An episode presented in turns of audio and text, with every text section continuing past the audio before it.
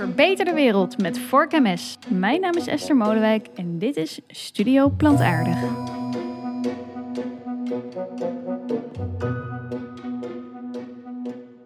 Is plantaardig eten duur? Of ben je juist goedkoper uit met een diervrij menu? Vandaag spreek ik met Pablo Moleman. Hij richtte in zijn studententijd samen met zijn vriendin, inmiddels vrouw, stichting Viva Las Vegas op, nu bekend als Proveg Nederland. Hij maakt zich er binnen Proveg hard voor om meer veganistische producten op de schappen te krijgen en om een hele systeemverandering richting plantaardig voor elkaar te krijgen. Hij publiceert deze week een onderzoek naar de prijsverschillen tussen dierlijke en plantaardige vervangers. Dag Pablo. Hallo. Hi. Hey, eh, ik ben eh, om te beginnen benieuwd. Jij woont hier samen met je vrouw, Veerle. Inmiddels directeur hè, van... eh, Ja, Jullie werken nog steeds samen bij Provig. ja dat Ja. klopt. Ja. En je dochter. Ja. ja. En wie doet er bij jullie thuis de boodschappen? Ehm, ja, dat wisselen we eigenlijk af. Daar hebben we geen afspraken over gemaakt. Dus ik zou zeggen ongeveer 50-50. Oké, eh, heel geëmancipeerd. Ja, ja. En eh, wa- wanneer heb je voor het laatst een vleesvervanger gekocht? Oh, heel recent. Ja? Ja, die, daar eten we er elke week wel een paar van. Ja? En wat was de laatste? Ehm, g- gisteren eh kipfilet, De kipfilet. plantaardig kipfilet. En was die, eh, weet, je, weet je nog wat die kostte? Nee, nee, want we hebben ook ehm, eh, van die maaltijdpakketten, zeg maar. Daar kwam die uit. Aha. Nee. Let je erop eigenlijk? Op Nee, prijs? dus dat is misschien inderdaad wel een belangrijk punt. Dat, eh, dat mensen die vanuit duurzaamheid gemotiveerd zijn, die zijn vaak minder prijsbewust. Is dat zo? Dat is in elk geval wat ze denken. Eh, ja, wat de, de prijsspecialisten eh, zeggen. Hoewel wat ik wel bij mezelf merk, maar dat is ook een beetje om me in te houden, zeg maar. Ik weet, toen, ik, toen ik pas veganist was, dat is alweer elf jaar geleden, toen was het helemaal niet moeilijk om gezond te leven. Ehm, en nu is zeg maar eh, veganistisch roomijs en alles. En ik heb dan wel de regel dat ik dat alleen koop als het in de bonus is. Maar dat is dan ook een beetje gewoon om mezelf te, te limiteren. Eh, en ik merk wel dat, dat, ik dat, dat ik dat wel ook met, met, met, met vleesvervangers doe. Dat ik die vaak wel. Dus in die zin ben ik wel prijsbewust dat ik wel probeer de aanbieding Ah, een ja. beetje te volgen. Jullie hebben onderzoeksbureau Question Mark de opdracht gegeven om te onderzoeken wat nou het prijsverschil is tussen eh, plantaardige alternatieven en hun dierlijke tegenhangers. Ehm, dat onderzoek verschijnt eh, deze week. Ik ben heel benieuwd naar, eh, naar, naar de resultaten. Maar eh, voordat we dat gaan doen, vind ik het leuk. We hebben een, eh, een vegan foxpop. waarin we mensen op straat vragen wat ze van de prijzen Oh. vinden van plantaardige producten. Dus die ga ik je eerst even laten horen. Wat leuk. Ik denk dat ik het wel al weet. Ja, wat, wat denk je? Ja, volgens mij er is een hele sterke perceptie dat het allemaal schreeuwend duur is. Dat is ook een van de redenen waarom we dit onderzoek lieten doen. Om eens te kijken van klopt dat nou eigenlijk? Want dat, dat had ik zelf ook niet... Nou, la- laat maar horen. Komt-ie. De Vegan Voxpop. En de prijs van de vleesvervangers? Ja, die, eh, die wil wel, hè. Die is niet heel goedkoop. Dus, eh, maar goed, we moeten kleine beetjes eh, bijdragen allemaal. Dus, eh. Eh, ja, daar let ik niet echt zo op. Nee. Als je biologisch vlees koopt, dan is het ook best wel duur. En de prijs van een vleesvervanger, is dat ook belangrijk voor u? Tegenwoordig wel, ja. Het is allemaal wel veel duurder geworden. Ehm, ja, ik kijk er wel naar. En, en eh, vergelijkt u het dan met vlees? Nee. U Omdat kijkt ik gewoon... eigenlijk nooit vlees koop, ben ik een beetje kwijt ehm, hoe duur vlees is. Ja, dan eet ik dan tempeh of iets wat ik dan zelf klaarmaak. Maar iets wat dan al klaar gemaakt is, dat trekt mij niet zo. Ik wil het liever echt zelf maken, omdat het dan ook echt pure ingrediënten zijn. En ik vind de prijs ook erg hoog. Aan de ene kant hebben ze natuurlijk een soort van bijna monopoliepositie, omdat ze een bedrijf zijn die dat doet. En ik kijk ook wel eens die keuringdienst van waarde. En eh, we gingen toen een keer over Unox rookworst. Dat die in dezelfde fabriek werd geproduceerd. Maar dat die wel duurder was eh, qua verkoop. En dan had ik toch een beetje het idee dat ze dan nu een monopoliepositie op die vegan rookworst hebben. Volgens mij duurder dan vlees. Duurder, ja. Zeker. Ja. Maar ook een stuk beter geworden, denk ik. Want eerst Ja. had je dan vaak alleen vegetarische slager bijvoorbeeld. Maar je hebt nu ook van Albert Heijn huismerken al best. Die is dan iets minder lekker, maar prima, iets betaalbaarder vleesvervanger. Dus gaat de goede kant op, denk ik. En de prijs van de Belachelijk. vleesvervanger? Belachelijk, Ja, ja. duur, belachelijk. Belachelijk duur. En waar vergelijk je het dan mee? Nou, met echt vlees. En dan vind je de vleesvervangers duurder dan de... Zeker. Nou, Pablo, komt dit een beetje eh, overeen met wat jullie hebben gevonden in onderzoeken?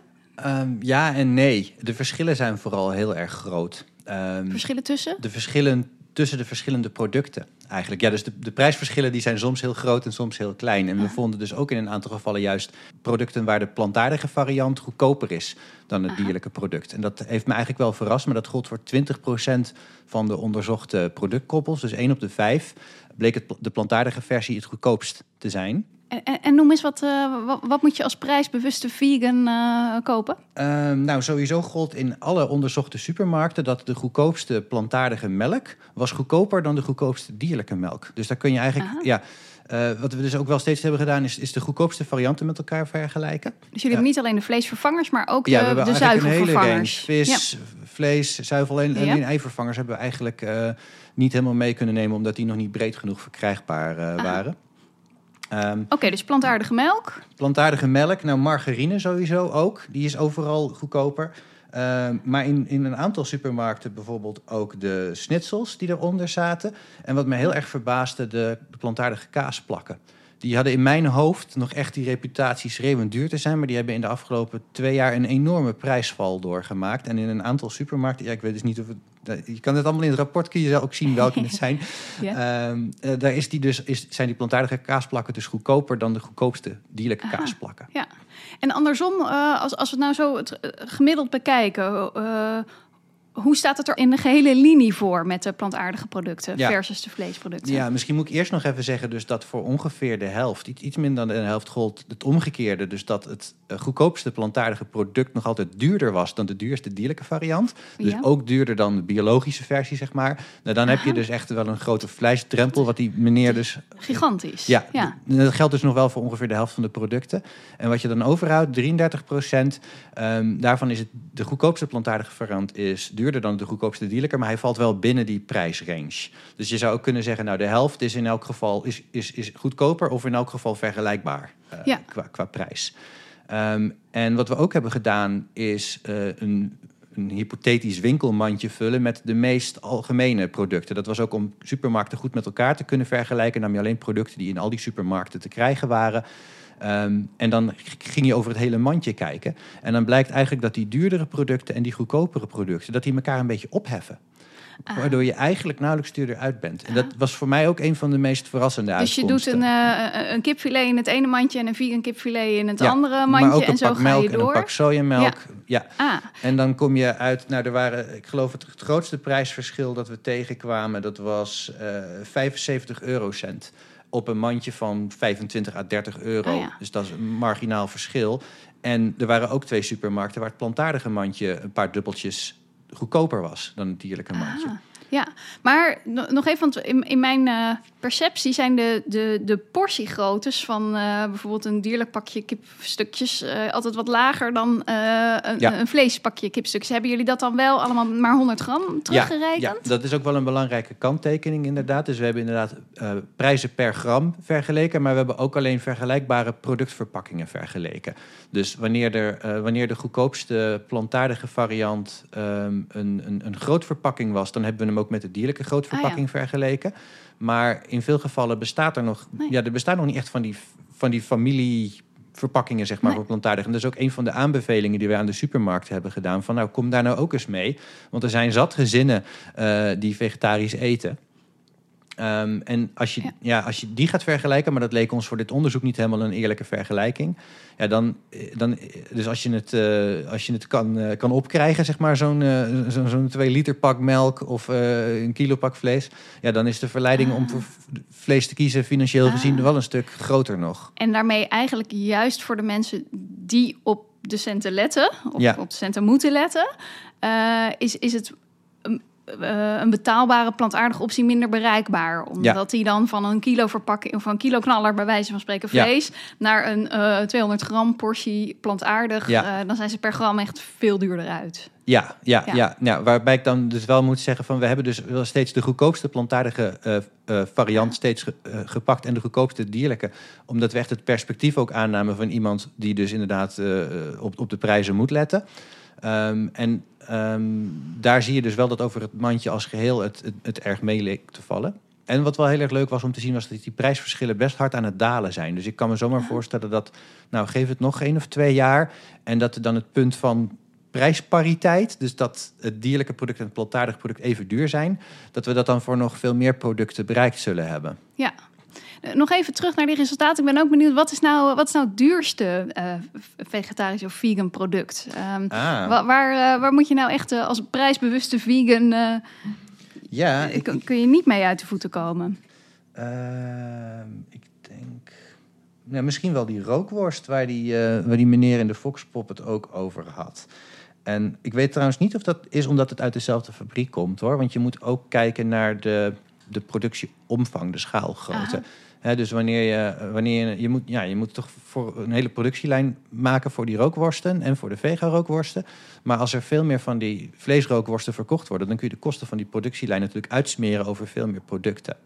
Dus dat is wel eh, een, een, nog een, een ding dat eh, door, de, door de op dit moment nog beperkte schaalgrootte is soms ook gewoon de, de, de kostprijs nog een stukje hoger. Het is lang niet altijd meer zo. Wat je dus ziet is dat voor steeds meer producten eh, die plantaardige producten al goedkoper zijn. Dus dan vermoed ik dat het intussen met de schaalgrootte wel, wel oké zit. Eh, want ja, als je erover nadenkt, wat is er nou eigenlijk voor nodig om een rookworst te maken? Nou, je hebt een varken nodig. Daar moet je eten in stoppen, verwarmen. Die, heeft, ja, die wordt op hele jonge leeftijd geslacht, maar toch alsnog. Ja, Ja, je ik, bent, geloof, ik geloof een maand of zeven, hè? Wordt, wordt vleesvarken? ja, ja, maar Ja. goed, je, gaat, je moet er toch een maand of zeven voer in stoppen natuurlijk. Als je dat vergelijkt met de grondstoffen die nodig zijn voor het maken van een vega-rookworst, dan snap je eigenlijk niet Nee. dat die vega-rookworst sowieso niet veel goedkoper is. Nee, dat hij niet, dat hij niet Nee. 10, 20 keer goedkoper is. Nee. En ik ben er dus ook echt wel van overtuigd dat we dat punt gaan bereiken. Wat dat betreft is margarine natuurlijk het ultieme voorbeeld. Hè. Dat, is, dat is al 50 Ja. jaar geleden geïntroduceerd als een plantaardig alternatief voor boter. En je ziet dat dat, dat, dat gewoon een veel goedkoper eh, product is. Juist omdat het gewoon ja, door een gro- groot deel van de bevolking wordt gegeten. Dus het, het heeft die schaalgrootte waardoor het prima kan concurreren. Zelfs met de, de zuivelsector, waar natuurlijk ook nog flink wat subsidies op zitten. Maar wat zijn nou de belangrijkste factoren waarom, waarom inderdaad, eh, waarom het niet 10 à 20 keer goedkoper is? Wat is hetgeen dat dat nog tegenhoudt? Ja, dus enerzijds wat ik al noemde, dus die, die, die schaalgrootte. En je ziet dus ook eigenlijk dat de, de, de producten die het meest beta- betaalbaar zijn al... dat zijn de producten die al wat langer meelopen. Ehm, dus ik, ver- ik vermoed dat die schaalgrootte daar al toegenomen is. Of de concurrentie tussen de supermarkten. Hè, van, nou, als je als eerste een nieuw product introduceert... ehm, ja, dan kun je daar misschien een meerprijs voor vragen. En als iedereen het verkoopt, dan, ga je daar een beetje naar elkaar kijken natuurlijk. Plantaardige producten zijn over het algemeen vaker A-merken. Ehm, dus die steken relatief veel geld in productvernieuwing, productinnovatie. Ik bedoel, al, ja, al die, die, die ge- geweldige nieuwe technieken die worden uitgevonden om steeds betere vlees- en zuivelvervangers te maken. Dat moet natuurlijk ook weer terugverdiend worden. En eh, nou ja, ik, ik, ben een grote fan van die leuke reclames van Oatly in de bushokjes. Ja, ja. Eh, maar ja, daar betaal je indirect natuurlijk ook aan mee. Terwijl de, de bushokjesreclame van de dierlijke zuivel... die wordt eh, door de Europese Unie bekostigd. Is dat zo? Ja, nou in ieder geval voor 80 procent. Je, je kunt dus ehm, als eh, producentenorganisatie van landbouwproducten... kun je dus bij de Europese Unie subsidie krijgen voor promotieprogramma's. En daar maken de vlees- en de zuivelindustrie dankbaar gebruik van. Dus je, je kent het wel, eh, kalfsvlees, daar wordt iedereen gelukkig van. Eh, kip, het meest veelzijdige stukje vlees. Allemaal van dat soort reclames. Die worden dus voor 80% door de Europese Unie eh, betaald. Voor 80 procent? Ja, de rest moeten ze zelf dus bijleggen. Ah, Ja. En dat is dan iets wat, wat ehm, eh, sectorbreed Ja. is. Dus dat is niet, de- producenten Nee, zelf nee, kunnen dat niet krijgen, maar de sector. Nee, dus de Friese Ah. vlag of zo, als, als je een reclame van hun ziet, dan weet je wat, dat hebben ze zelf betaald. Maar de, de reclame voor zo'n product, dat, dat gaat daarvan Ja. vanaf inderdaad. En daar zijn we nu ook dus dat is een beetje zijspoor trouwens, maar... Nou, nee, maar het is wel relevant. Want dus eigenlijk een deel van de prijs van zo'n eh, plantaardig product... eh, zit hem ook in het feit dat, eh, dat er gewoon... zit hem in de marketingkosten eigenlijk. Zeker als het aanmerken zijn. Ja, ja, ja. ja. En wat je dus wel ziet is dat een paar jaar geleden was het eigenlijk alleen maar aanmerken. Terwijl het vleesschap dat bestond vrijwel uitsluitend uit huismerkproducten. Mhm. Maar je ziet dat het huismerk enorm aan het oprukken, oprukken is in het plantaardige schap. En dat zal waarschijnlijk op termijn ook de, de prijzen wel helpen drukken. Ja, dat hoorden we ook in die Foxpop. Hè? Van vroeger had je alleen de kipstukjes van Ja. de vegetarische slager. Nu ook van het huismerk. Maar zei hij er dan achteraan... eh, het was wel wat minder lekker trouwens. Ja. Maar, Ja. Er- ervaar jij dat ook? Dat er... eh, ja, worden het eigenlijk eh, kant-en-klare fabrieksproducten... die minder mooi worden dan de, dan de eerste variant? Nou, poeh.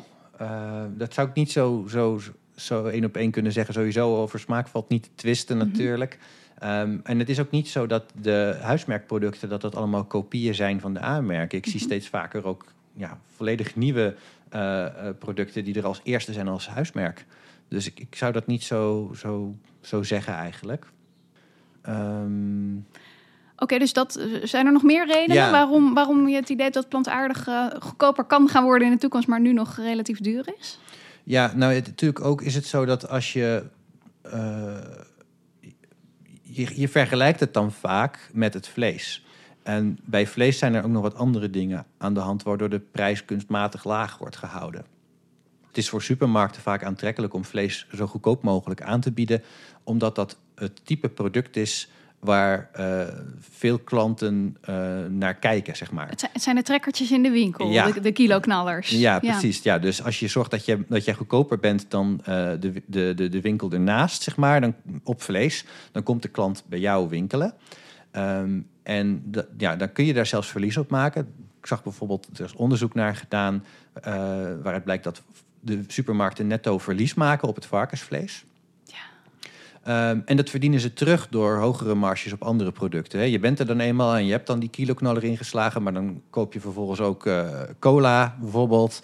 eh, of, of iets anders. Of misschien ook wel een vleesvervangertje. En daar zitten dan weer hogere marges Ja. op, waardoor die supermarkt dat weer terugverdient.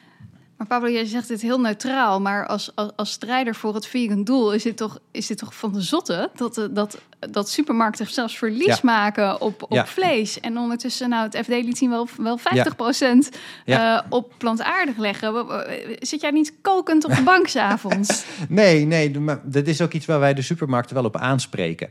Ehm, en waar wij dus ook eh, zien dat er. Ja, als je kijkt, we hebben bijvoorbeeld een mooi voorbeeld van ehm, de co-op in het Verenigd Koninkrijk. Die hebben al price parity beleid doorgevoerd, waarbij ze dus heel bewust beleid voeren om die prijzen naar elkaar toe te brengen. In elk geval voor hun huismerk, dan zeggen zij een. ze hebben daar van die fantastische namen, bangers noemen ze dat, die worstjes in Engeland. Als je dus een, een, een vegan banger koopt, dan kost die exact hetzelfde als wanneer je de, de varkensvariant daarvan koopt. En dat hebben ze gewoon echt heel secuur allemaal gelijk getrokken. Dus en het dat kan zou dus wel. kunnen dat ze eh, soms dus eh, meer, meer marge op vlees maken dan op plantaardig of andersom. Ja. Ze zeggen gewoon, Hoe ze het precies doen, dat weet ik natuurlijk ook niet. Maar je weet wel, het, het kan dus wel. En we zijn daar Ja. ook met andere supermarkten over in gesprek. En we zien bijvoorbeeld bij de Albert Heijn en de Jumbo ook voorzichtige bewegingen die Aha. kant op. Aha. Dus dat is heel positief. Aan de andere kant zeg je, dat vlees is ook het trekkertje in, in, Ja. naar de winkel. Dus het is ook een beetje doodvonnis voor, Ja. een, eh, voor een supermarkt. Nou ja, kijk, dat dingen veranderen natuurlijk ook. Hè. En dat- ze zien ook dat de consumentenvoorkeuren veranderen. En er is, er is natuurlijk ook veel maatschappelijke druk. We zijn niet de enige. Wakker Dier is natuurlijk ook eh, flink de supermarkten hierop aan het, eh, aan het, aan het aanspreken. Ehm, en de supermarkten zitten ook een beetje gevangen, zeg maar. Mhm. Het is ook zo van, ja, als, als je als enige ehm, hier eh, betere keuzes in maakt... dan zijn ze natuurlijk als de dood van, oh, dan ga je naar Ja. de concurrent. Ja. Ehm, dus ik denk dat het ook heel belangrijk is dat, dat we hier gezamenlijk zeg maar, zeggen van nou dit kan zo niet langer, we, we, gaan, we gaan dit, Ja, dit en- omgooien. En, en wat houdt dat concreet in? Gaat het dan om afspraken binnen de branche? Of, of mag dat eigenlijk wel? Ja, nou daar zijn we naar aan het kijken inderdaad. En dan heb je natuurlijk de autoriteit Consument en Markt... die zegt op zich dat er geen prijsafspraken mogen gemaakt worden tussen supermarkten. Maar er zijn wel uitzonderingen op te maken. En ze staan er eigenlijk wel heel erg voor open... wanneer er vanuit het belang van gezondheid of duurzaamheid... ehm, nou, misschien geen exacte prijzen worden vastgelegd... maar dat er wel brancheafspraken worden gemaakt... ehm, dat dat niet meer kan. Zij, zij gaan dus eh, ingrijpen als zij het gevoel hebben van dit, dit, dit zijn afspraken die je niet hoort te maken. Die zijn te veel in het nadeel van de consument. Hè? Want nou ja, waarom die autoriteit er is, is natuurlijk dat supermarkten prijzen maken van nou, we gaan die producten lekker hoge marges opzetten, zodat die consument ja, geen kant op kan, zeg maar. Zij- Daar, daar is die autoriteit voor bedoeld. Ja. Maar nu heb je eigenlijk te maken met de situatie waarin het juist in het belang van de consument is dat die prijzen hoger worden. Omdat die consument, die, die, ja, die, die, die, die wil ook eh, gezond leven, die wil ook een duurzame omgeving. Dus daar kijkt die autoriteit toch net wat anders Ja. tegenaan. En, en tegelijkertijd denk ik ook niet dat elke consument er zo tegenaan kijkt als jij. Dus wij, wij vinden het vanuit Nee. het belang van de consument. Maar Ja. daar eh, horen op straat ook nog wel eens wat andere ja, ja, nou ja. Ehm, ja, en toch ook als je, misschien heb je het dan niet door, maar eh, je betaalt natuurlijk alsnog via de belastingenvelop eh, bij aan de schade die die vleesindustrie eh, veroorzaakt. Dus het is in belang van de consument, maar hij weet het misschien zelf niet altijd. Ja, dat klinkt Ja. ook wel een beetje paternalistisch, hè? Wel. Ja, nou ja, kijk, uiteindelijk leven we natuurlijk in een democratische samenleving. eh, en als daar problemen zijn, dan worden die geagendeerd. En ehm, langzaamaan ontstaat er dan steeds meer draagvlak. En ik denk dat het via die weg moet gaan. Maar wat je bijvoorbeeld ziet, is dat in omliggende landen, zoals België, daar is het gewoon niet toegestaan om eh, voedsel onder de kostprijs te verkopen. Dus toen de Albert Heijn een paar jaar geleden naar eh, België uitbreidde, toen zijn ze daar ook op de vingers getikt van nee, hier doen we dat anders. En dat is ook iets wat natuurlijk de Nederlandse overheid zou eh, kunnen doen. En trouwens, Werkelijk. als we het over draagvlak hebben, hè, we hebben dat ook uitgebreid laten onderzoeken. Maar een van de grootste opiniestudies die ooit naar eh, plant, plant- plantaardig dierlijk is gedaan, eh, hebben we in Nederland laten uitvoeren door Kieskompas. En daar bleek dat het eigenlijk ook wel meeviel met dat draagvlak. Dat eigenlijk een, een meerderheid van de Nederlanders eh, echt wel inziet dat het minder moet met het vlees en meer plantaardig. Hoeveel? Ehm, ja, eh, zo'n eh 75, 80 procent. Wauw, die zei, moet Ja. naar meer plantaardig. Die ja, zei niet, moet helemaal. welke stelling je Ja. dan pakt. Inderdaad, een kwart van de Nederlanders heeft zelfs zoiets van... nou, ik hoop dat we ooit misschien helemaal geen dieren meer voor, eh, voor voedsel gebruiken. Ehm, maar de, de, de, de overgrote meerderheid die, die, die vindt het, het moet in elk geval minder. En ook ehm, eh, als het dan gaat om sturing vanuit de overheid of vanuit het bedrijfsleven, dan staan mensen daar ook voor open. Dus je hoort wel heel vaak geluiden van eh, ja, blijf van onze gehaktbal af. En de, de, de overheid die, eh, die, die gaat het vlees op rantsoen zetten. Maar dat is eigenlijk een kleine minderheid van nou, misschien ruim genomen een kwart. die er zo over denken. En de, de meerderheid ziet het anders. En als je het dan hebt inderdaad over die, die kiloknaller ehm, en het ehm, onder de kostprijs verkopen van vlees. Dat was nou toevallig net de enige stelling waar we een meerderheid voor vonden van de kiezers van alle partijen. Dus zelfs de PVV-stemmers en de Forum-stemmers, terwijl dat toch partijen zijn die dat geluid heel erg laten Ja. eh, horen, die zijn in meerderheid voor een verbod op de kiloknaller. Ah. Ja, die kiloknaller be- begint een wat slechtere naam eh, Ja, eh, toch wel, hè? Ja, al, al is Ja. de, de, de, burger, er zit er al, blijft een flink verschil tussen de burger en de consument Ja. eh, bestaan op dit gebied.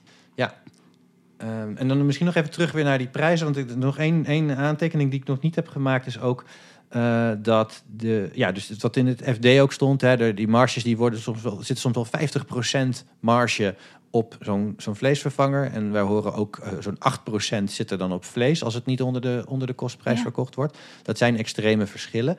Ehm, tegelijkertijd is dat niet alleen maar hebberigheid van de supermarkt. Dat moet ik er wel bij zeggen omdat die eh, plantaardige producten, die hebben vaak een minder hoge omloopsnelheid. Ehm, dus je, ziet een schap met vleesvervangers en je ziet een schap met vlees. En ehm, die zijn misschien, ja, die zijn nog niet even groot trouwens. Ehm, maar dat, dat, dat vlees wordt veel sneller aangevuld. Dus om het Ja. financieel rond te kunnen krijgen, om dat schap toch te hebben en om dus ook een, een uitgebreide keus te kunnen bieden, zeg maar, zal het misschien voor de supermarkt ook nodig zijn om een hogere marge te hebben. Die, die, die schapmanagers die zitten natuurlijk gewoon uit te rekenen per vierkante centimeter schapruimte in de supermarkt. Ja. Hoeveel heb je aan het eind van de dag daarop verdiend? En als Ja. er minder van wordt verkocht, dan moet er gewoon meer Ja. eh, marge op gemaakt worden. Ja, ja, en tegelijkertijd zijn er dus ook weer van die eh, ja, prijsbepalingsexperts die zeggen: supermarkt weet ook precies ehm, hoeveel je als klant bereid bent extra te betalen. En dan kom je natuurlijk op wat gevaarlijker terrein. Want dan denk ik van ja, dat is dan denk ik wat, wat moeilijker te verantwoorden. Zeker als je als supermarkt in je duurzaamheidsbeleid hebt staan van we willen naar meer plantaardig, minder dierlijk. We nemen onze maatschappelijke verantwoordelijkheid. Ja, dan is het natuurlijk niet helemaal fair ehm, om daar dan meer op te rekenen dan nodig is. We hebben trouwens ook een ehm, eh, op onze eh, we hebben een, website, de New Food Hub, eh, waar allerlei artikelen staan met tips en adviezen voor hoe je plantaardige producten het beste kunt vermarkten. Dus is ook echt gericht op de foodsector. En daar hebben we ook een berekening geplaatst. Zo van nou, de, de aanname is. als je een hoge marge hebt dan, en je verkoopt zoveel, dan maak je vette winst. Maar op basis van wat andere aannames van een lagere marge, maar een veel grotere klantenkring, maak je uiteindelijk meer Ja. winst. Hè? Ja. En dat is ook een kwestie van durf om die sprong te maken. En dat heeft dan weer met die prijselasticiteit te maken. Van eh, eh, misschien eh, in, in hoeverre mensen wat meer zouden willen betalen. omdat ze dat product toch graag willen kopen. Ja, precies. Ja. misschien dat je dan de hardcore veganist wel, wel hebt. Ja. Ehm, en die zijn, eh, die zijn, er is intussen een punt gekomen dat zelfs die, ook al maken die maar 2% uit van de bevolking, eh, dat die echt al een interessante markt geworden zijn. Misschien ook wel mede door die, door die marges. Ja. Maar als je eh, je prijzen wat laat zakken, waardoor je die enorme flexitariërmarkt erbij kunt pakken, dan is Ja. dat uiteindelijk ook voor die supermarkten natuurlijk veel interessanter. Ja, helder. Ehm, wat me nog wel opvalt, ik, ik hoor je over eh, vleesvervangers en zuivelvervangers. Of alternatieven wordt dat ook wel genoemd. Opvolgers. Of vleesopvolgers, ja, dat is, dat is eigenlijk de mooiste term. Ehm, dat doet ook wel een beetje tekort aan de vegan keuken. Ehm, want je hebt ze eigenlijk helemaal niet nodig. Ja, nee, je hebt het niet nodig. En ik, ik, nee, ik merk dat ik zelf ook ontdekt heb hoe ontzettend lekker je kunt koken zonder die vervangers. Maar mensen zijn gewoontedieren en verandering is lastig. En wat je dan toch merkt is dat het heel erg helpt om aan te sluiten bij het oude. Ehm, ik noem ook altijd wel eens als voorbeeld de. Want ik zie het echt als opvolgers. Ik zie dit eigenlijk als technologische vernieuwing naar hetzelfde product op een andere manier gemaakt. En als je kijkt naar de allereerste automobiel eh, die op de markt kwam, volgens mij was dat van Benz, dan zie je, eh, dat lijkt eigenlijk een beetje op een koets. Een soort van paardenkoets, alleen op de plek van waar dat paard eerst zat, daar zit, een, daar zit een, eh, een, een verbrandingsmotor. Ja. Nou, er is geen enkele reden waarom die koets er zo zou moeten uitzien, behalve dat niemand zich nog een voorstelling kon maken van hoe het anders moest zijn. En ja, zo is het met eten ook. Mensen zijn nou eenmaal gewend aan de gerechten waarmee ze opgegroeid zijn. En ehm, dat is hoe ze koken. En die zijn op zoek naar een. Die, ze willen wel eh, duurzamer, diervriendelijker. Eh, Dat blijkt ook uit al die onderzoeken dat er- bij, mensen enorm veel goede wil is. Maar ja, je moet die verandering zo makkelijk mogelijk maken. En wie weet over 100 jaar waar we dan staan. Ja. Maar- Is het andersom ook niet zo dat door als je vegetarisch gaat eten een vleesvervanger te gaan gebruiken, dat mensen nooit echt gaan ontdekken wat de plantaardige keuken zou kunnen zijn? Dat je eigenlijk in een soort van suboptimaal of misschien even goed alternatief voor vlees terechtkomt, maar eh, het, eh, de, de echte wilde van vegetarisch Ja. of vegan koken ehm, ga je dan nooit echt leren. Ja, dat weet ik niet. Eh, ik weet in elk geval bij mijzelf dat dat niet zo gegaan is. Dat het, ik inderdaad, het begon met de vervangers, maar eh, dat ik daarna al zoveel meer ben gaan ontdekken. Ik was ook altijd, ja, toen ik nog aanhikte tegen het veganisme, was ik heel erg bezig met alles wat ik niet kon eten. Dat is natuurlijk een hele logische, natuurlijke reactie. Maar ik stond er geen moment bij stil dat er zoveel dingen waren die ik nooit at, eh, die in principe wel zou kunnen eten. Maar ja, die, die, die, die, die ehm, waar je gewoon niet over nadenkt. Dus die, die beperkingen die je zelf oplegt, die zorgen voor een enorme creativiteit. En het Ja. super, de supermarkt biedt zo'n enorme wilde aan, aan producten aan sowieso... dat er is niemand die dat allemaal geproefd heeft. Dus je, je gaat gewoon ehm, eigenlijk jezelf even herprogrammeren. Je loopt normaal altijd je vaste route van het ene product naar het andere vaste honkproduct, zeg maar. En de eerste paar maanden dat je veganist bent, moet je dat helemaal herkalibreren. En op een gegeven moment heb je weer een nieuwe route uitgelegd, zeg maar. Dan Ja. zijn dat weer je Maar dat wat je nu zegt, on- ontneem je mensen misschien een beetje als ze van, het, van, het, van de kipfilet naar de vegan kipstukjes gaan. Dan is die hele die, die, die nieuwe route, die gaan ze dan misschien niet ontdekken. Ja, misschien. Ja, maar tegelijkertijd zie je ook wel dat er steeds meer aandacht komt ook voor peulvruchten bijvoorbeeld. Die zijn echt weer enorm aan het eh, verhippen, zeg maar. En dat ook eh, fabrikanten en supermarkten steeds meer recepten delen waarin je laat zien hoe je die kunt gebruiken. En nou, ik, ik heb ook bijvoorbeeld het, het idee dat vergeten groenten eh, zijn enorm in, in opkomst. Dus die culinaire verrijking, zeg maar, die krijgt denk ik ja, die was er sowieso al aan de gang. Maar die krijgt ook wel weer een boost vanuit de interesse in plantaardig. Ehm, toch eens even, als we, als we nou eens even nog eh, zo proberen te concluderen over dat onderzoek. Eh, voor 80% van de producten is de goedkoopste plantaardige variant nog duurder dan de gemiddelde dierlijke variant. Eh, oh ja, zo kun je hem ook tellen, ja, inderdaad. Als je ja. even, even andere kanten van het glas kijkt. En dan Ja. zijn de kiloknallers nog niet meegenomen. ja. Is het glas nou half vol of half leeg? ja, voor mij is hij toch wel half vol hoor. Ja? Ja, ehm, kijk, als je die 80% dan tel je dus eigenlijk die, die duurdere producten. Van, nou, daar, daar moet echt iets gebeuren. Ehm, maar die categorie, die middencategorie, waarin eh, het de goedkoopste plantaardige variant in de range van dierlijke producten ligt, eh, een groot deel ligt wel ook aan de onderkant van de range. Dus dan is het denk ik voor de, de meeste consumenten is dat niet per se een, een, een obstakel. En wat je, dus, wat je dus ziet is dat de prijsverschillen ook in de afgelopen jaren flink aan het dalen zijn geweest. Dus ik, ik zie wel een hele positieve ontwikkeling. En heeft dat dan te maken, met, je zegt het verschil daalde, heeft dat ermee te maken dat vlees duurder is geworden of dat plantaardig goedkoper is geworden? Ja, allebei een beetje. Dat hangt er net vanaf welk product je naar kijkt, inderdaad. Uh, dus soms is bijvoorbeeld bij plantaardige kaas is echt uh, de prijs gekelderd. Uh, die, die, die, die kwamen natuurlijk ook van heel hoog, maar dat gaat een goede richting uit nu. Mm -hmm. Bij andere producten zie je dat het, het vlees vooral duurder is geworden. Um, of dat het allebei een beetje naar elkaar toe aan het groeien is. Dus voor jou is het glas half vol? Ja, vol met de, plantaardige melk uiteraard. Ik vind echt dat het sneller kan hoor. En daar, daar zijn we ook, uh, daar zetten we ook bovenop. Um, maar wat, wat het zou kunnen versnellen is bijvoorbeeld een, een, een vleestaks natuurlijk. Ja. En toevallig uh, onlangs dat zelfs het kabinet heeft aangegeven die mogelijkheid te onderzoeken. Dat hadden we Precies. een paar jaar geleden ook nog ja. uh, niet. Uh, Precies. Leek dat een stuk Waarbij een VVD-minister trouwens direct uh, daarachteraan tweette dat zij daar in ieder geval niet mee akkoord gaan. Ja, dat was Kamerlid van de VVD Ja, inderdaad. Um, die zei een eenzijdige vleestaks vond hij geen goed idee. Dus daar zie ik ook ruimte nog. En wat houdt dat dan in? Wat is die ruimte? Ja, dat moet je aan hem vragen natuurlijk. maar er zijn, er zijn natuurlijk verschillende dingen die je kunt doen. Um, je kunt je sowieso de vraag af, uh, stellen: van, ja, waarom alleen vlees? Hè? Dan komt vlees wel heel erg in het verdomhoekje. Terwijl het gaat eigenlijk om ja, uh, onduurzame en ongezonde producten. Hè? Er wordt ook gekeken naar een su suikertax. Wat mij betreft zouden we bijvoorbeeld uh, zuivel en vis zouden we er ook in betrekken. Want je, wat je ook absoluut niet wilt, is natuurlijk dat door die vleestaks mensen alleen maar meer kaas gaan Oh, eten. ja. Dat heeft, zeg maar, CO2 technisch gezien, uh, zet dat geen zoden aan de dijk. Um, dat je, dat je dat je dus producten gaat indelen op hun duurzaamheid en dat je daarop uh, de belastingtarieven gaat variëren.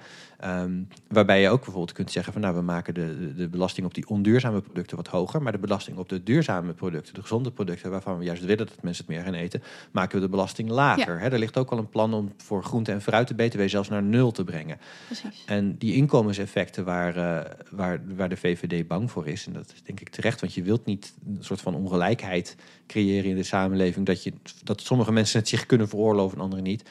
Maar die inkomenseffecten kun je daarmee natuurlijk dempen. Dat je uiteindelijk bij de kassa niet duurder uit bent. Um, en hoe doe je dat? Nou, door dus op andere producten, op duurzame producten, de prijzen juist te verlagen. Ja, precies. Ja. ja. En, daar, en daar lobby jij ook voor? Ja, uh, uh, ja ik, ik, ik niet, niet persoonlijk. We hebben tegenwoordig hebben we ook een, uh, een collega erbij die de public affairs doet namens Proveg. En we doen dat samen met coalities zoals de TAP en de Transitiecoalitie Voedsel. Oh ja. Ja, en dan zitten jullie aan tafel bij het ministerie? Of hoe moet ik Ministeries, me dat uh, Tweede Kamerfracties, ja. ja. Ja, en uh, Proveg heeft ook uh, lobbyisten in Brussel en zelfs bij de Verenigde Naties uh, zitten. Oh ja. Wie had dat allemaal gedacht vanaf dat foodfestivalletje ja. dat je, wat is het, elf jaar geleden met je vriendin op, op de universiteit startte? Ja, ja, inderdaad, ja. Denk je daar nog wel eens aan terug? Ja, ja zeker. Ja, ja, we gaan ook uh, dit jaar ons verlaten tienjarig bestaanfeest nog, uh, nog organiseren. dat ging vorig jaar even wat lastiger. Ja, dat was wel een mooie tijd, maar een hele andere tijd inderdaad. Dat, uh, ja, we studeerden toen allebei nog. Um, en er was heel weinig aandacht voor plantaardig eten. Terwijl we toen eigenlijk door begonnen te krijgen van wat een belangrijk onderwerp dat eigenlijk was. Maar het zat heel erg in het verdomhoekje. Dus we wilden daar een positief licht op schijnen. En we dachten, hoe doe je het nou beter dan met een festival? Dus dat organiseerden we op onze universiteit. Zo kleinschalig en in, in Las Vegas-stijl. Dat stond er toen een leuke Aha, woordspeling. ja. Er stond toen geloof ik, we hadden toen bij zo'n evenementenbureau hadden we een, eh, een groot beeld van Elvis Presley eh, gehuurd. En wat neonverlichting. en we hadden een roulettebord waar je kikkererwten in kon gooien. Dat heette dan roulette. Om maar zeker te weten dat geitenwolle sokken imago eh, er niet aan zou Ja, kleven. ja, achteraf vraag ik me af of, of, of we er niet weer een, een ander, ander imago aan hingen. Maar in ieder geval, dat, was, dat, dat, dat leek toen een goed idee. En dat was het ergens ook wel. Want tot onze verbazing kwamen er niet alleen studenten en docenten van de VU op af. Maar zagen op de gastenlijst dat er vanuit het hele land, van Limburg, Drenthe, Groningen, eh, mensen naar dat event van studenten op de VU waren gekomen. En toen dachten we, hé, hey, dit moeten we vaker gaan doen. En toen kwam ook al vrij snel eh, het idee van ja, we moeten ook eh, mensen helpen dan. Niet dat je één event bijwoont en dat je denkt, nou poef, ik ben veganist.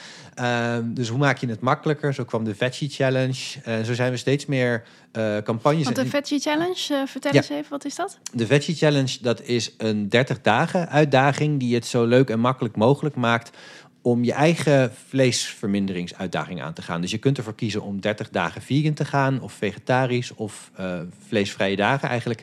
Ja, een instapmoment kiezen wat eh, uitdagend maar haalbaar voelt. Hè? Want iedereen komt vanuit een ander punt. En vervolgens maken we het dan zo makkelijk mogelijk met, eh, met tips, voorbeeldrecepten, een maaltijdplanner, advies van een diëtist en ook eh, contact met, ehm, ik wil niet zeggen lotgenoten, hoe, met, met, met, Medestrijders. met- ja, met, met andere mensen die Ja. in diezelfde transitie zitten Ja. als jij. Ehm, en daar hebben intussen al meer dan een eh, half miljoen mensen aan, eh, aan meegedaan. We hebben het ook uitgebreid eh, naar allerlei andere landen eh, sinds we aangesloten zijn bij Proveg. En dat is eigenlijk ja, een, een, een hele leuke en hele succesvolle campagne. Ehm, omdat je, je echt gewoon op het individuele niveau de vooruitgang kunt zien. En daarna zijn er natuurlijk ook allerlei ontwikkelingen geweest. Vooral wat ik zelf dacht van nou nu gaan we op de systeemverandering inzetten. Er openen zich allerlei mogelijkheden om de politiek en het bedrijfsleven te betrekken. Dat was er tien jaar geleden allemaal nog niet. Maar ik vind het nog steeds enorm veel voldoening te geven. Om dan ook gewoon de, de meetbaarheid van die Veggie Challenge. Om precies te kunnen zien hoe mensen daar vorderingen in maken. Klinkt als een eh, effectieve actie. Ja, En dat, dat brengt mij meteen naar een vraag die ik al even eh, aan je had. Eh, namelijk, ik las ehm, dat jullie werken vanuit het effectief altruïsme. Ehm, hoe vaak heb je al uit moeten leggen wat dat betekent? Ehm, valt wel mee, Valt wel mee. eigenlijk hoor. Ja, het is een, een, een, een, een, een, een beweging die eigenlijk vanuit de wetenschap en de filosofie samen is opgekomen om te kijken van hoe kun je nou zo goed mogelijk goed doen. Want er gaat, mensen zijn enorm vrijgevig en er gaat heel veel geld naar goede doelen. Maar de vraag die wordt niet altijd gesteld van... Komt, wordt dat geld nou eigenlijk ja, optimaal besteed? Of zou je het door het anders te besteden misschien nog veel meer goed kunnen Ja. doen? Het begon eigenlijk in de ontwikkelingshulpsector... dat ze ook gaan kijken van nou, misschien dat we in dit, dit dorp wel een waterput slaan... en in dat dorp niet te kijken van ja, is het nou eigenlijk door, door die waterput dat het verschil is... of zitten er misschien hele andere redenen achter? Eh, nou ja, zo wordt er steeds kritischer gekeken, steeds meer onderzoek gedaan. En dat heeft echt zijn weerslag gehad op de non-profit sector als geheel. Dat er veel meer vanuit die effectiviteitsgedachte wordt Ja. gedacht. Ja, ik, ik probeer nog even de vinger erop te leggen. Want welke organisatie zou nou niet zijn middelen zo effectief mogelijk in willen zetten? Wa- Wat is nou dat, dat het effectief altruïsme echt anders maakt? Ja, dat is een goede vraag. Ehm, het, het, het, er is, het is in elk geval nieuw dat het met zo'n grote mate van wetenschappelijkheid wordt gedaan. Dat, er echt wordt gemeten. dat er echt wordt gemeten. Mm. Ehm, en ja, toch denk ik dat er in het verleden niet altijd even kritisch naar is gekeken. Ehm, en iets anders ook, eh, wat vanuit die beweging van effectief altruïsme is gekomen, is dat er ook niet, niet alleen op het niveau van campagnes of interventies wordt gekeken, maar op een veel hoger niveau van wat zijn nou eigenlijk de belangrijkste problemen om, om aan te pakken, om, om, om geld in te steken. Ehm, en dat heeft ook wel voor een kleine revolutie gezorgd. Ehm, ja, één voorbeeld is bijvoorbeeld dat er wordt gekeken naar... eh, stel je wilt iets doen voor eh, mensen die eh, blind zijn. Je vindt dat een belangrijk thema. Hè? Dan kun je bijvoorbeeld geld doneren aan het opleiden van blinde geleidehonden... en dan help je die mensen daarbij. Eh, nou zijn er dus mensen vanuit het effectieve altruïsme... die zijn daar wat beter over gaan nadenken. Die zeiden, ja, je hebt ook doelen in... die bijvoorbeeld mensen die een eh, bepaalde vorm van blindheid... die in eh, armere landen heel veel voorkomt... hebben die eigenlijk heel makkelijk te genezen is. Voor een, een operatie die niet heel veel geld kost... maar zij hebben dat geld niet... En ehm, met die operaties kun je mensen hun gezichtsvermogen gewoon weer teruggeven. En nou, ik geloof, ik weet het niet uit mijn hoofd, maar dat je voor het geld om één blinde geleidehond op te leiden, misschien wel honderd of duizend Ja, ja. mensen hun Ja. gezichtsvermogen kunt teruggeven. En dat soort inzichten, dat, nou, dat was een paar jaar geleden nog heel erg nieuw, waardoor mensen echt anders zijn gaan Ja. kijken naar filantropie. Het gaat om, eigenlijk om het tellen van geredde mensenlevens, bijvoorbeeld. Ja, en waarbij je dan dus ook zegt van nou, eigenlijk is er objectief gezien is het irrationeel om onderscheid te maken tussen mensenlevens in, in Nederland en mensenlevens in andere delen van de wereld. En zo is er ook gekeken naar van ja, telt het leed van dieren nu zoveel zwaarder dan dat van mensen? Nou, zelfs als we, als we zouden zeggen, en ik weet niet hoe je dat moet verantwoorden, maar zelfs als we zeggen van nou, een, mensenleven telt honderd keer zo zwaar als een dierenleven. Of een mensenleven telt wel duizend keer zo zwaar als een dierenleven.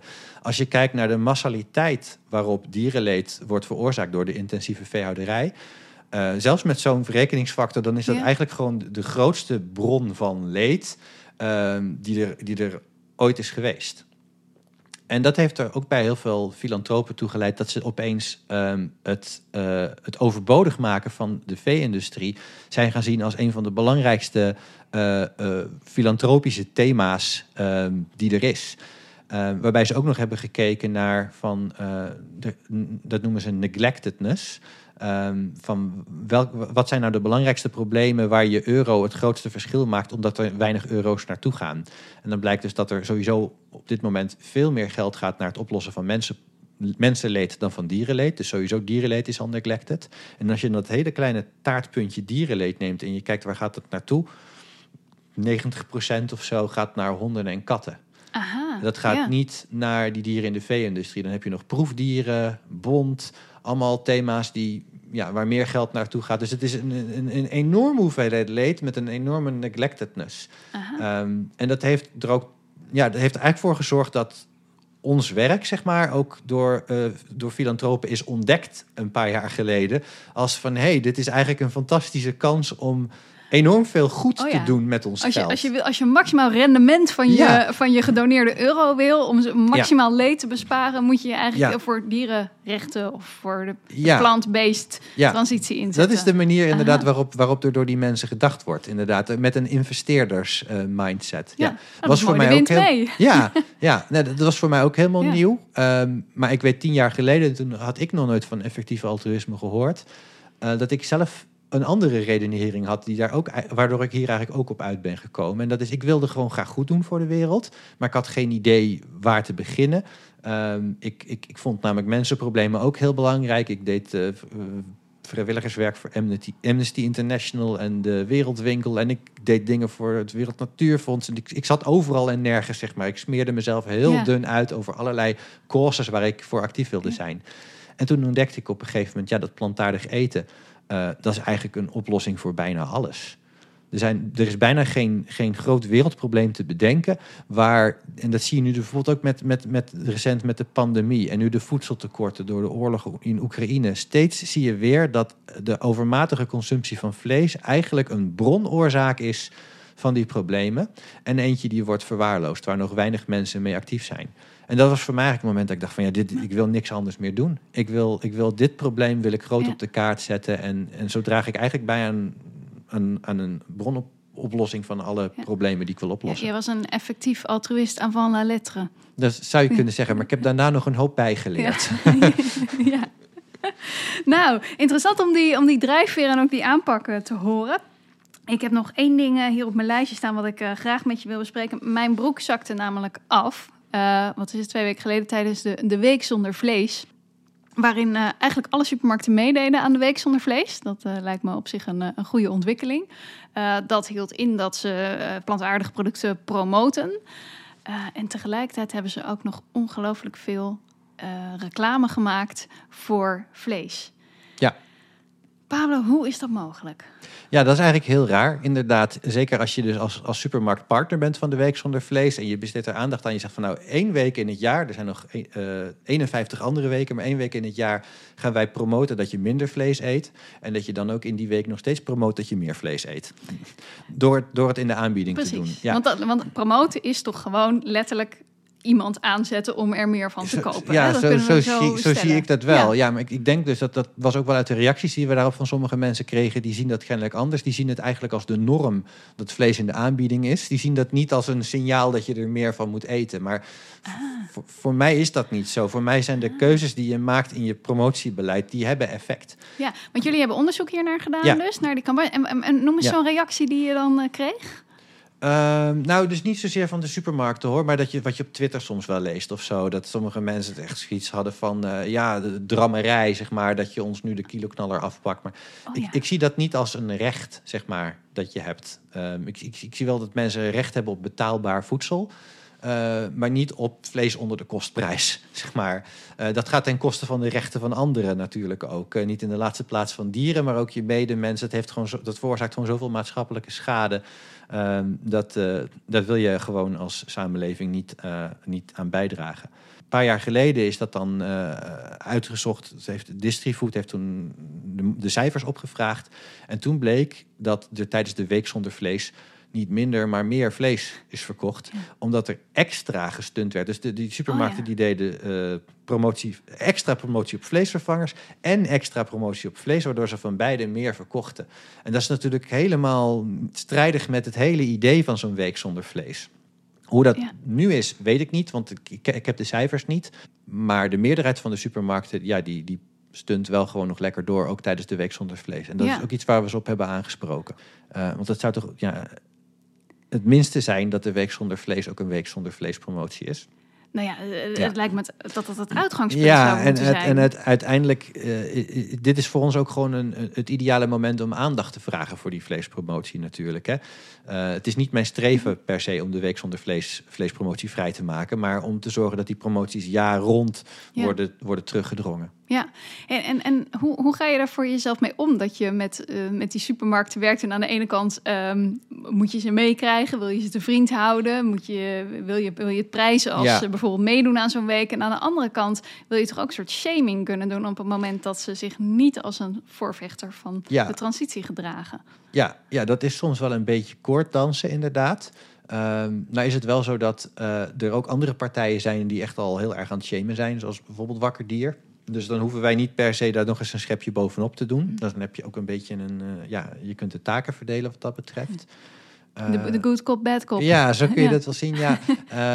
Waar, waarbij wij, ja, wij, wij niet willen shamen, maar wel willen vergelijken. Dus wel laten zien van, nou kijk, die doet dit, die doet dat. Het goede voorbeeld ook eh, uitlichten.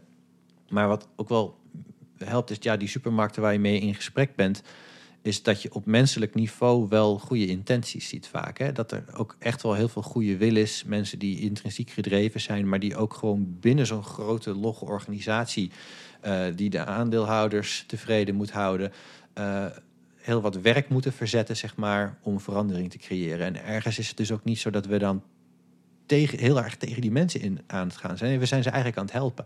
En dat, dat voelt eigenlijk helemaal niet vervelend. Het is juist heel mooi eigenlijk dat je dus eh, ja, die, die, die, die interne changemakers, zeg maar, eh, de juiste middelen in handen kunt geven, de juiste argumenten en cijfers eh, om die verandering stapje voor stapje te, te creëren.